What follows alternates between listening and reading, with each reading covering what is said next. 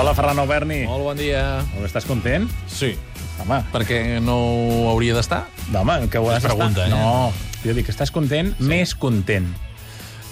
Es fa difícil eh, de dir, però sí, estic... Anava a dir molt content. Doncs està, has Bastant content. Molt, molt, molt força content, molt més content, perquè a més ja estàs patrocinat i tot en aquest programa. És a dir, Ah, és veritat. que ja no ets És dèficit veritat. en aquests 5 minuts. Doncs devia de ser segurament per això, eh, també. O aquest era un element que em, fa, o que em feia bastanta, bastanta il·lusió. Sí, sí. La ja pel·lícula que- Els nens salvatges us ofereix aquest espai. Està garantit. Sí, clar, home, si hi ha patrocinador, hi ha secció. Doncs escolta'm, jo tinc ganes de poder-vos eh, explicar bones coses que ens ofereix la cartellera, bons documentals, que segur que els trobes a faltar, eh, Jordi? Sí, no recordo la setmana passada que no n'hi havia cap, eh? Doncs això és una molt bona senyal perquè vol dir que la cartellera té bon estat de salut, que encara aposta per aquest tipus de produccions. Hijos de les nubes seria la pel·lícula que jo avui tinc ganes de reivindicar-vos, de comentar-vos.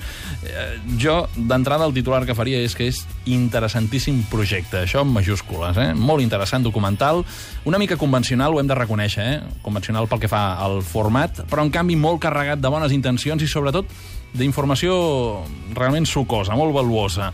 Entre d'altres, darrere del projecte, ja segurament ho sabeu, Javier Bardem, eh, ell com a productor i com a fil conductor d'aquest projecte que l'ha tirat endavant perquè va quedar realment impactat fa uns anys ja d'això, de la situació precària i realment injusta, afegiria jo, que pateix el poble saharaui i se'n va donar durant la seva estada al Festival Fisàhara, que és un festival de cinema molt interessant també, que es fa en un camp de refugiats. Bé, a partir d'aquesta experiència va néixer aquest eh, projecte que jo us recomano perquè si aposteu per ell us trobareu, entre d'altres, la màgia del desert. Jo sóc un gran enamorat de la mítica i el romanticisme Del desert. i la vocació que et porta al desert.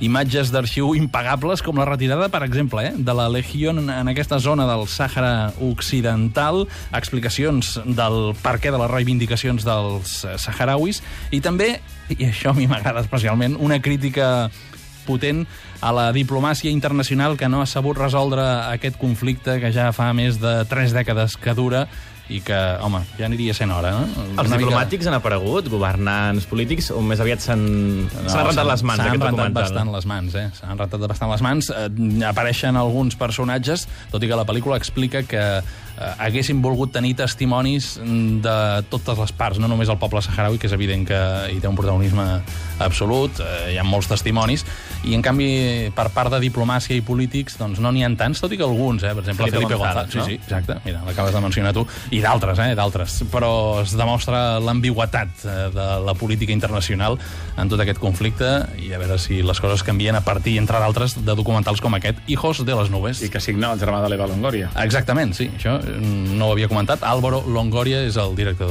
d'aquesta pel·lícula. Perfecte, doncs, escolti'm, que no li agafi cap complexe d'anar predicant pel desert, eh? però nosaltres al final el seguirem. Mira, m'agrada això que has dit ara. Fins demà. Adéu-siau, bon dia.